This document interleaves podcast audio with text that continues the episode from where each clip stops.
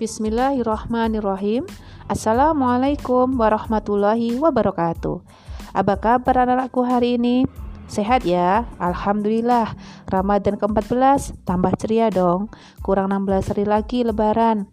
Insya Allah. Alhamdulillah hampir separuh perjalanan kita di kawah Chandra di muka. Sedang pengembelengan iman dan takwa. Semoga dimudahkan segala urusan. Amin amin ya robbal alamin. Ucapan syukur Alhamdulillah tiada henti-hentinya menghiasi mulut kita untuk menunjukkan syukur kita atas rahmat dan hidayahnya kepada kita semua. Dari zaman onta ke zaman Toyota, dari zaman sendir ke zaman listrik, dari zaman kebodohan sampai ke zaman yang penuh cahaya keislaman, semua karena ridho Allah Subhanahu wa taala dengan mengutusnya Nabiullah Nabi Muhammad Shallallahu alaihi wasallam kepada kita untuk itu, semoga kita semua selalu bersalawat kepada beliau Nabi Muhammad Shallallahu Alaihi Wasallam, suri teladan kita, uswatun hasanah kita, yang kita nantikan syafaatnya pada hari kiamat nanti. Anak-anakku semua dan pendengar setia pembinaan takwa yang dirahmati Allah Subhanahu wa taala, Semoga tetap istiqomah ya mendapat kebaikan-kebaikan yang insya Allah menjadi aset kita di kehidupan akhirat kelak. Amin ya Allah. Kemarin kita bersama sudah belajar bagaimana kita meyakini atau beriman kepada hari kiamat. Semoga membawa keberkahan, kebaikan kepada kita semua. Hari ini kita akan belajar tentang iman kepada kodo dan kodar yang merupakan rukun iman yang keenam. Biar lebih jelas, apa itu kodo dan kodar? Mari kita simak cerita berikut ini. Salim memiliki kemampuan menulis kaligrafi. Setiap hari, Salim berlatih dengan giat dan berharap menang pada perlombaan MAPSI. Namun, setelah mengikuti lomba, Salim gagal meraih juara meskipun sudah berusaha untuk mendapatkan juara. Salim tidak kecewa karena menyadari penuh ternyata ada peserta lain yang lebih baik tulisan kaligrafinya. Salim menyadari bahwa kegagalannya itu sudah kehendak Allah Subhanahu wa taala karena Allah Subhanahu wa taala berkehendak segala sesuatunya. Salim percaya di balik kekekalannya ada hikmah yang luar biasa bagi dirinya. Nah, peristiwa Salim tidak menjadi juara kaligrafi merupakan salah satu contoh kodo. Untuk itu, mari kita pahami makna kodo terlebih dahulu. Kodo adalah ketentuan atau ketetapan Allah Subhanahu wa taala sejak zaman azali tentang segala sesuatu yang berkenaan dengan makhluknya sesuai dengan irodahnya atau kehendaknya. Contoh kodo lainnya, matahari terbit dari sebelah kanan. Kematian setiap makhluk bumi serta planet-planetnya berputar pada porosnya. Itu contoh kodo.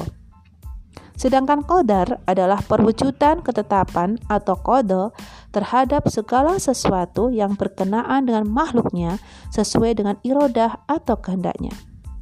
Namun, kodar dapat diubah dengan usaha manusia atau ikhtiar. Seperti kisah usaha atau ikhtiar Nadia ditunjuk ibu guru untuk mengikuti lomba hitobah mapsi tingkat kecamatan. Setiap latihan, Nadia grogi. Setiap hari, Nadia berlatih dan suara lantang dan fasih dan didampingi oleh ibundanya. Hari pelaksanaan lomba hitobah, Nadia merasa sudah siap lahir dan batin. Pada saat tampil sesuai dengan latihan, Nadia memanfaatkan waktunya dengan baik dan berusaha tampil dengan semaksimal mungkin. Tiba pada saat yang mendebarkan, Nadia yaitu pengumuman juara hitobah. Anak-anak, pemenang lomba pidato hitobah tahun ini adalah Nadia. Wah, betapa senangnya hati Nadia mendengar pengumuman tersebut dan langsung sujud syukur. Berbeda dengan Mila yang ikut lomba, wajahnya tampak sedih karena kecewa belum bisa berhasil menjadi juara tahun ini. Mila menyadari ia tidak pernah giat berlatih seperti Nadia. Nah, anak-anakku, ikhtiar artinya usaha manusia untuk memenuhi kebutuhan dalam hidupnya. Sesuatu itu terjadi atau tidak terjadi, pasti ada sebabnya. Seperti adanya asap karena ada api yang dinyalakan di dapur, seperti tadi Nadia yang latihnya, pelatihnya dengan giat menjadi juara. Kita bekerja keras sehingga berhasil dan sukses. Keberhasilan usaha tergantung pada gigih atau tidaknya usaha kita. Kesuksesan tidak datang sendiri, tetapi diusahakan dengan sungguh-sungguh. Artinya, kita ingin menjadi pintar harus ikhtiar atau belajar dengan giat. Mungkin anak-anak ada pertanyaan begini. Ibu, jika semua kegiatan manusia adalah kehendak Allah dan sudah ditentukan, apakah manusia tidak bisa memilih atau melakukan sesuatu? Maka jawabannya adalah bisa dan bisa banget mau dan mau banget bagi yang ada kemauan tinggi. Kenapa? Karena manusia diberi kehendak oleh Allah untuk memilih. Allah juga memberi manusia akal untuk berpikir. Jadi, kita bisa memilih untuk melakukan hal yang baik atau memilih hal yang tercela. Memilih selamat atau bahaya doa atau permohonan kepada Allah Subhanahu wa taala juga dapat merubah kodo dan kodar atas izin Allah Subhanahu wa taala.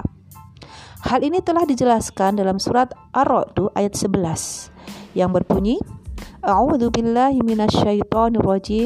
Bismillahirrahmanirrahim. Innallaha la yughayyiru ma biqaum biqaumin hatta yughayyiru ma bi anfusihim. Sadaqallahul adim.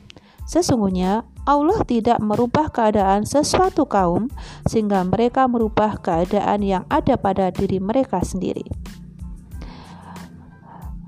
Itu penjelasan tentang kodo dan kodar. Lanjut, bagaimana sih cara kita beriman kepada kodo dan kodar?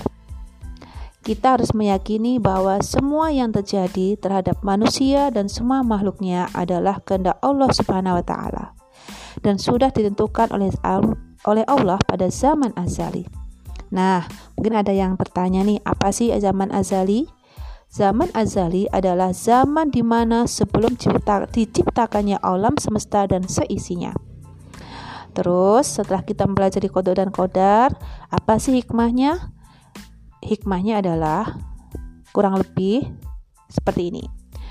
Datang ke sekolah atau kegiatan lainnya tepat waktu. Yang kedua, memanfaatkan waktu untuk belajar dan melakukan hal-hal yang baik atau yang positif. Yang ketiga, bertanggung jawab dan percaya diri atas tugas yang diberikan. Yang keempat, santun dan rendah hati dan bersikap di mana pun berada. Dan yang kelima, menyadari bahwa semua cita-cita yang diinginkan harus diusahakan.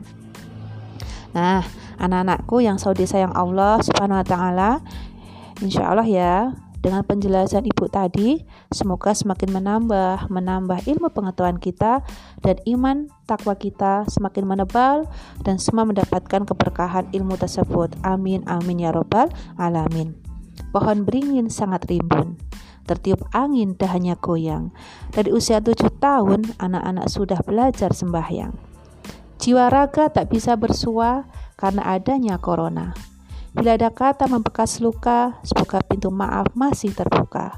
Mohon maaf ya, terima kasih sudah mendengarkan materi pintak hari ini. Semoga bermanfaat. Bilahi taufiq wal hidayah. Wassalamualaikum warahmatullahi wabarakatuh.